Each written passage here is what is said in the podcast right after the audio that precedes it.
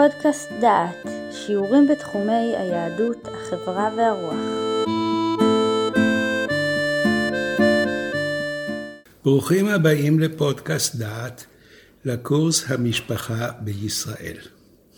הגענו לפרק 14 בקורס, ובפגישה הזאת נעסוק בתקנות להגנת המעמד הכלכלי של האישה. אנחנו נדבר על הזכויות במסגרת הנישואין ובשינויים שהזכויות עברו במהלך השנים. יש הבדל, וזה נקודת המוצא, יש הבדל בין דיני ירושה לדיני ממונות רגילים. בדיני ממונות רגילים הכלל הוא שתנאי שבממון קיים אדם יכול להתנות כל מה שליבו לגבי כספו, והתנאי יהיה תקף. הוא יכול לתת למי שהוא רוצה, בכל דרך שהוא רוצה. הכסף הוא כספך, ואתה יכול לעשות בו מה שאתה רוצה. שונה הדבר בדיני ירושה.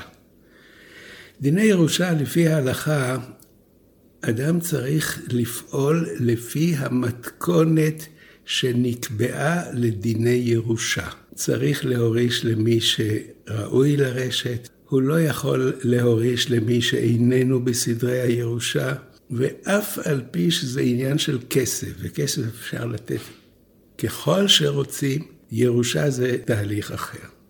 והסיבה למעמד המיוחד של ירושה היא הדרך שבה מתארת התורה במדבר את חוק הירושה. שם בסוף חוק הירושה כתוב, והייתה לבני ישראל לחוקת משפט. הכוונה היא שדיני ירושה הם חוקה. אנחנו במדינת ישראל כבר מכירים את המושג חוקה ואת המעמד המיוחד שיש לחוקה. חוק יסוד, דיני הירושה הם מין חוק יסוד שאי אפשר לשנות אותו. אי אפשר להוסיף תנאים כדי לקבוע מי יהיה היורש. אי אפשר באמצעות חוקים רגילים לשנות חוק יסוד. אי אפשר באמצעות תנאים רגילים לשנות את דיני הירושה. אם כן, אי אפשר לעשות תנאים בירושה, ואם תנאים לא ניתנים להיעשות, אז אי אפשר גם לתקן תקנות. כי תקנה, מה זה תקנה? סיכום של תנאים שכל אחד רשאי לעשות. למרות כל הדברים שאני אמרתי עד עכשיו, מערכת היחסים שבין בני זוג ובין הורים וילדיהם עוברים שינויים בעקבות מהפכות שעוברים סדרי החיים. שינויים בתרומה שכל אחד מבני הזוג תורם לכלכלת המשפחה, שינוי תוחלת החיים, ותכף נראה שתוחלת החיים משנה את הצרכים של היורשים. לא הרי דיני ירושה כאשר בני אדם מאריכים חיים, וכאשר הם מתים ילדיהם, ילדיהם נשואים ומסודרים, לבין תקופה שבה תוחלת החיים נמוכה, והדאגה של המוריש היא לדאוג ליתומים וליתומות הקטנים. חכמים חיפשו דרכים להיענות לתמורות הזמן והתקינו תקנות שיקבעו חלוקה מתאימה של הרכוש שנותר מן המוריש עוד בחיי המוריש, ובכך לא לפגוע בדיני הירושה. נקבעו הסדרים שיקבלו תוקף עוד לפני הנישואין, ובכך לא לפגוע בסדרי הרכוש שבתוך הנישואין. אנחנו עכשיו נצעד עם האישה צעד צעד למי נישואיה, כדי לראות מהי המסגרת הכלכלית שהאישה פועלת בתוכה. נתחיל בשאלה מה מקבלת אישה בעת נישואיה. ואנחנו נזכור את הדבר הזה סקירה היסטורית ונראה כיצד הדברים התפתחו. הדבר הראשון שהאישה מקבלת הוא מוהר. מוהר זה תשלום עתיק, הוא קיים עדיין במקומות צדדיים, במסלול הראשי אין מוהר. מוהר זה תשלום שניתן למשפחת הכלה על ידי החתן ומשפחתו. אם אתם זוכרים את הסיפור של שכם, שרצה את דינה, שם הוא אומר, הרבו עליי מוהר ומתן. שכם, שרוצה את בת יעקב, מצהיר שהוא מוכן לתת הרבה מוהר כדי לקבל את האישה. מוהר זה כסף שהחתן נותן למשפחת הכלה. עכשיו, רמב"ן בשמות כ"ב ט"ו מפרש, מוהר השילוחים שאדם משלח לארוסתו, כלי כסף וכלי זהב ובגדים לצורך החופה והנישואין, והם הנקראים סבלונות בלשון חכמים.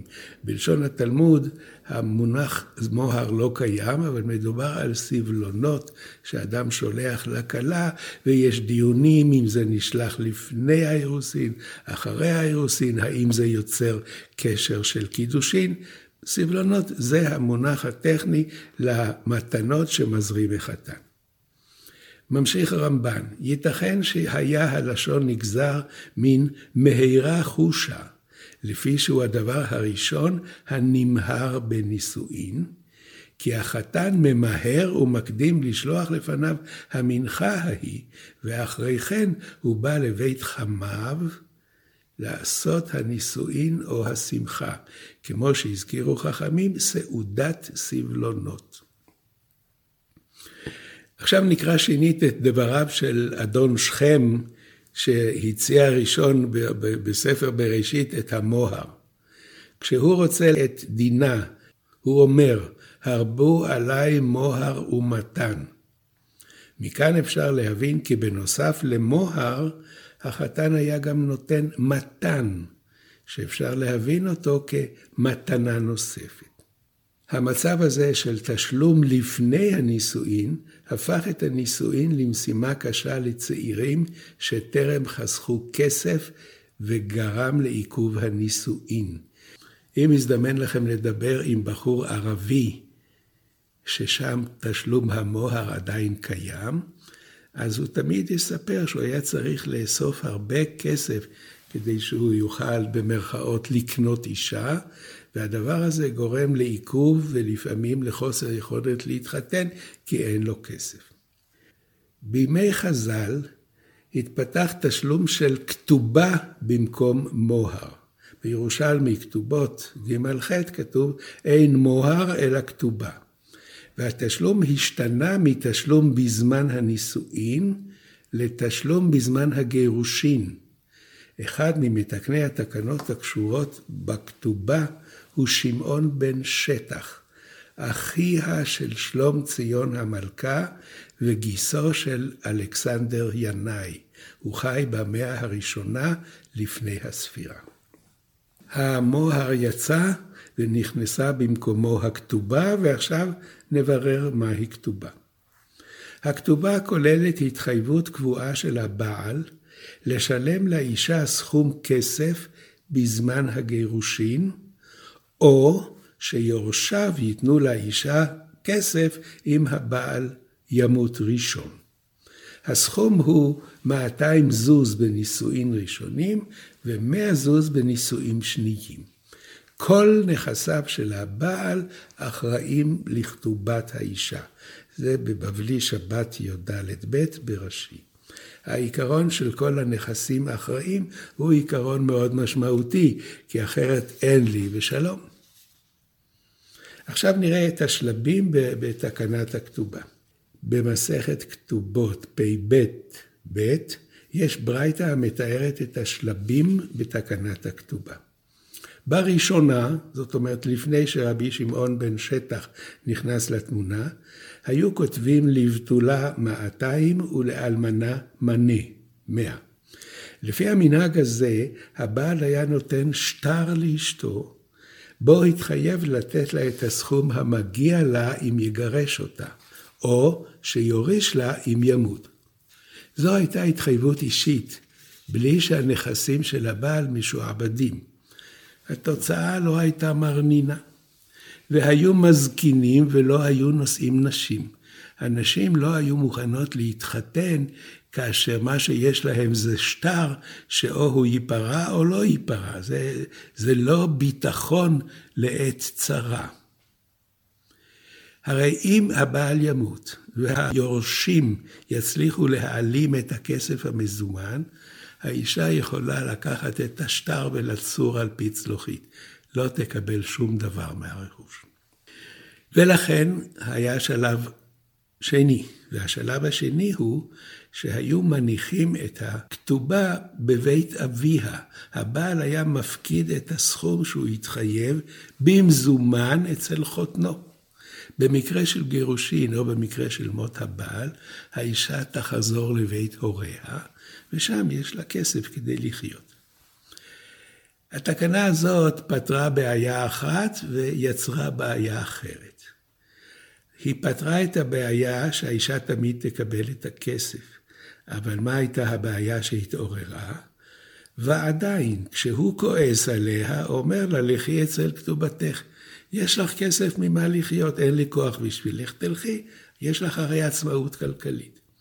כיוון שהכסף היה מונח בבית אביה, ולא הייתה אפשרות לבעל להשתמש בו, הכסף לא חיזק את המשפחה. הכסף היה מונח בצד והוא מחכה לגירושין. מריבה הייתה יכולה להסתיים בהכרזה, קחי את הכסף, ממילא אני לא יכול לעשות בו שום דבר, ושובי לבית אביך. היה צריך שכלול. התקינו שיהוא מניחים אותה בבית חמיה. את הכתובה לא השאירו בבית אביה של האישה, אלא בבית אביו של הבעל. זאת אומרת שזה לא יהיה כסף זמין לאישה בכל רגע. ועדיין זה לא, לא קרה כלום. ועדיין כשכועס עליה, אמר לה, תלי כתובתך, הוציא, תלכי לאבא שלי, יש שם כסף בשבילך, שלום. החלפת המקום בו נשמר הכסף לא הקשתה על פירוק המשפחה. ואז הגיע שמעון בן שטח, והוא בא עם רעיון חדש, כלכלי ויפה. הוא תיקן שיהא כותב לה, כל נכסיי אחראים לכתובתך. לפני כן, רק אם היה לו כסף, והכסף הזה נדד בין אביה לבין אביו, והוא כל הזמן היה בעצם מין מוקש שעומד להתפוצץ. אמר שמעון בן שטח, אל תארגן כסף, אל תכין כסף בשביל להתגרש.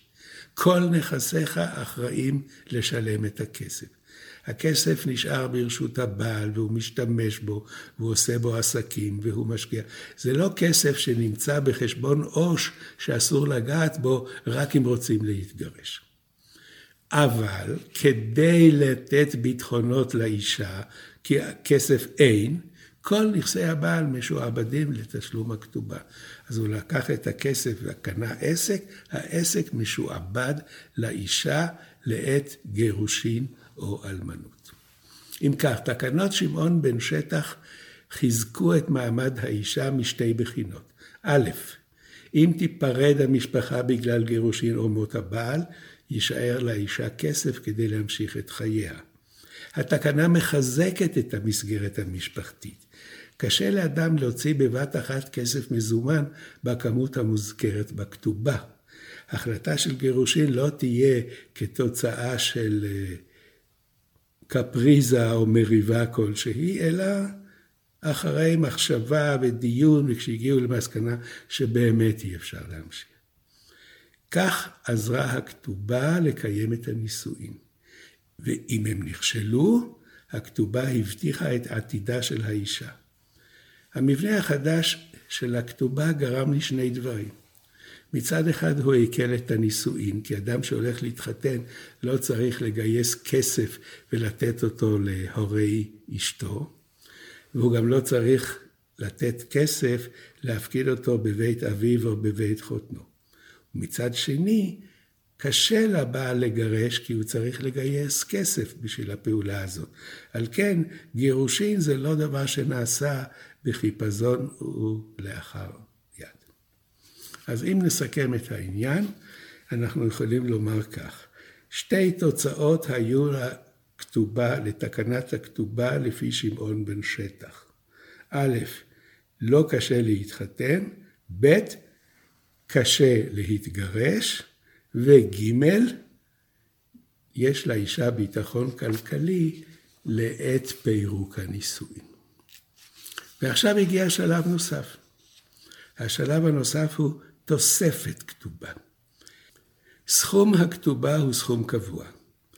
כשם שהמוהר היה מלווה במתן, הוספה של מתנות על המוהר, זה היה המתן, כך לכתובה ניתן להוסיף סכום שיגדיל את הסכום שקבעו חכמים לפי יכולת הבעל. התוספת הזאת אין לה מידה קצובה, כי היא תלויה במעמד הכלכלי וביכולת. היו מקומות שהפריזו מאוד בסכום תוספת הכתובה.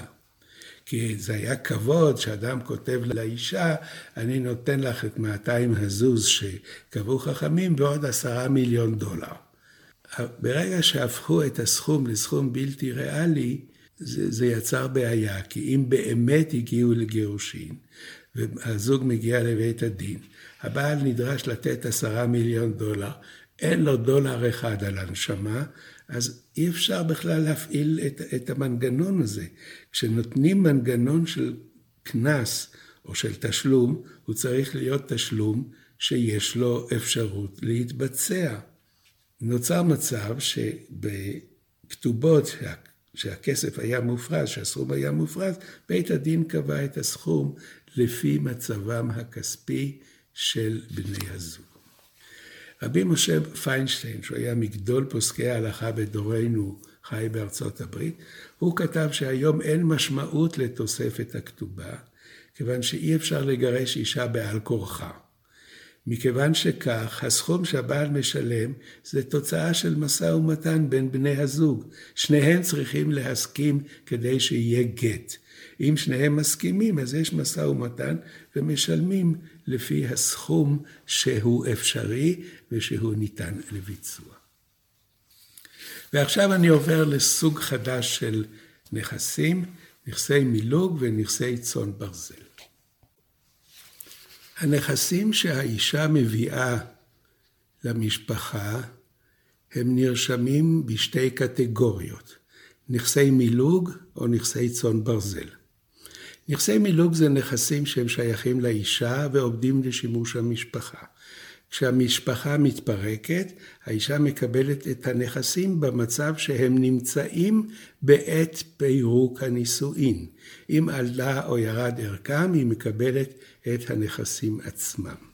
הביטוי הזה מקורו ביוונית ורומית, שם זה חליבה, מילוג זה חליבה. בהקשר שלנו, אדם חולב את הרכוש, הוא מקבל את הרווח, אבל הבסיס נשאר של האישה. בג"ץ 202 על 57 ביטל את דין נכסי מילוג, מפני שהם מפלים את האישה לרעה. כי הנכסים שהאישה הביאה, יש לבעל זכות לאכול את פירותיהם. זאת אומרת, התועלת הכספית שהנכסים מביאים עובר לבעל, כיוון שהוא אחראי לכלכלת המשפחה, אבל בסך הכל אין לאישה מספיק זכויות, בג"ץ ביטל את זה. עכשיו אנחנו עוברים לסוג השני, שזה נכסי צאן ברזל. נכסי צאן ברזל הם גם נכסים שהאישה הביאה, והם נרשמים בכתובה כרכושה. גם אלה עומדים לשימוש המשפחה, אבל הם צמודים. האישה מקבלת את הנכסים האלה לפי ערכם בעת הנישואין. אז למה זה צאן ברזל? מפני שהערך שלהם מבוטח כמו ברזל. האישה איננה יכולה לעשות עסקים עם הנכסים האלה, אבל הם שלה לעת מצוא. היום אין נכסי צאן ברזל, מסיבות טכניות. נכסי צאן ברזל, אמרתי, נרשמים בכתובה. היום הכתובה מודפסת, לא כתוב, אין שם שורות, אף אחד לא שמע ולא ראה שבזמן הנישואין כותבים בכתובה מה הביאה האישה למשפחה. כיוון שאין רישום, אין נכסי צאן ברזל. כפי שאמרתי, נכסי מילוג בוטלו על ידי החוק האזרחי, ונכסי צאן ברזל בוטלו מפני שמעשית לא רושמים אותם. עכשיו אנחנו נדבר על, על אחריות של הבעל לכלכלה של המשפחה ועל משכורת האישה. יש מערכת הדדית.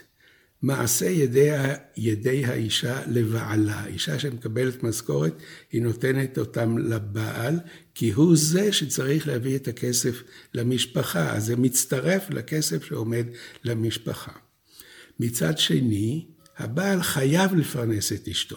כן, הבעל חייב לפרנס, האישה חייבת לתת לו בתמורה את משכורתה. החובה הזאת היא חובה חד סטרית לטובת האישה. הבעל לא יכול להגיד, את יודעת מה? אני מוותר על המשכורת שלך, תדאגי לעצמך. כי זו חובה של הבעל לדאוג למזונות המשפחה. האישה יכולה להגיד, יש לי משכורת גבוהה, אני מעדיפה להשאיר את המשכורת אצלי, הכלכלה והמזונות שאני מקבלת ממך שורפים רק את מחצית המשכורת שלי, וכך אני מרוויחה. אם כן, נוצר מצב שבשיטה הזאת של מזונות תמורת פרנסה, הדבר הזה פועל רק כאשר הוא לטובת האישה. ירושת הבנות מדין תורה בנות אינן יורשות, אבל דואגים לבנות יתומות יותר מאשר לבנים היתומים. אחד מתנאי הכתובה הוא שהבנות תקבלנה מזונות עד שתתבגרנה, ובנוסף לזה גם עשירית מהנכסים כנדוניה לנישואיהן. ואם הנכסים מועטים, רק הבנות מקבלות והבנים אינם מקבלים. וכך נאמר במשנה. המשנה בבבא בתרא פרק ט', משנה א'. מי שמת והניח בנים ובנות, בזמן שהנכסים מרובים, בנים ירשו והבנות ייזונו. נכסים מועטים, הבנות ייזונו והבנים ישאלו על הפתחים. והרמב"ם מסביר את פרטי הדינים. מי שמת והניח בנים ובנות, ירשו הבנים כל הנכסים, והם זנים את אחיותיהם עד שיבגורו או עד שיתארסו. במה דברים אמורים? כשהניח נכסים שאפשר שיזונו מהם הבנים והבנות כאחד, עד שיבגרו הבנות, ואלו הם הנקראים נכסים מרובים.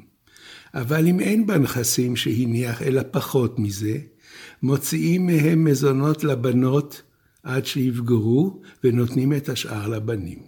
ואם אין שם אלא כדי מזון הבנות בלבד, הבנות ניזונות מהם עד שיבגורו, או עד שיתארסו, והבנים ישאלו על הפתחים. אין זה כבוד בנות ללכת לחזר על הפתחים אם הגיעו למצב כל כך נורא. במקרה כזה, הבנות יקבלו את הכסף, והבנים ילכו לקבץ נדבות. דהיינו, יעשו כל עבודה שיקבלו. את רגשות אי הנחת ממצבה של הבת מבטא רדווז. רדווז רבי דוד בן זמרה, שחי במצרים במאות ה-15-16, הוא גם חיבר פירוש לרמב"ם, למשנה תורה. הוא שם את הטענות את רגשות אי הנחת, הוא שם אותם בפי חכמי הגויים, וכך הוא כותב על ירושת הבת.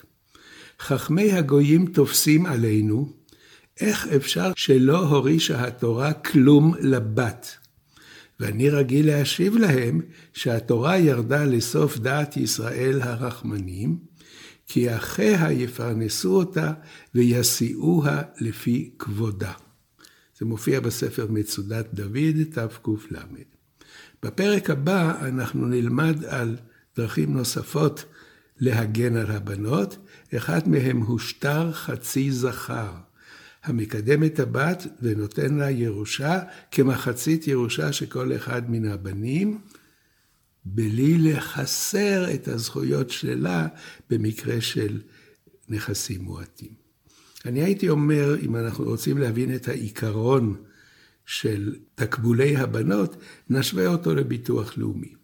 ביטוח לאומי אומר ככה, הוא מבטח את כל האוכלוסייה בסכומים נמוכים. במקום לגבות מכל אחד סכום שונה ולהחזיר לכל אחד סכום שונה, כמו ה-social security בארצות הברית. אילו זה היה כך, אז העניים היו נשארים ללא עזרה, כי לא היה להם מה לשלם ביטוח לאומי.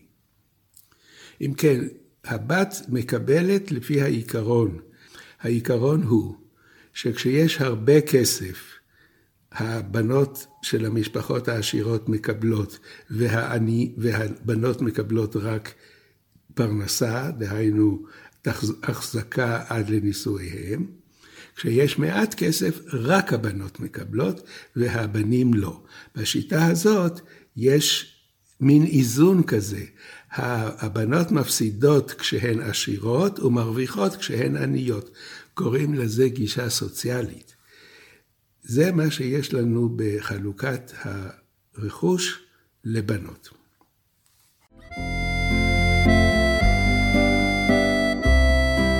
שמעתם שיעור מתוך הקורס המשפחה בישראל, מאת פרופסור יהודה איזנברג. את הקורס המלא וקורסים נוספים תוכלו לשמוע באתר דעת במדור פודקאסט.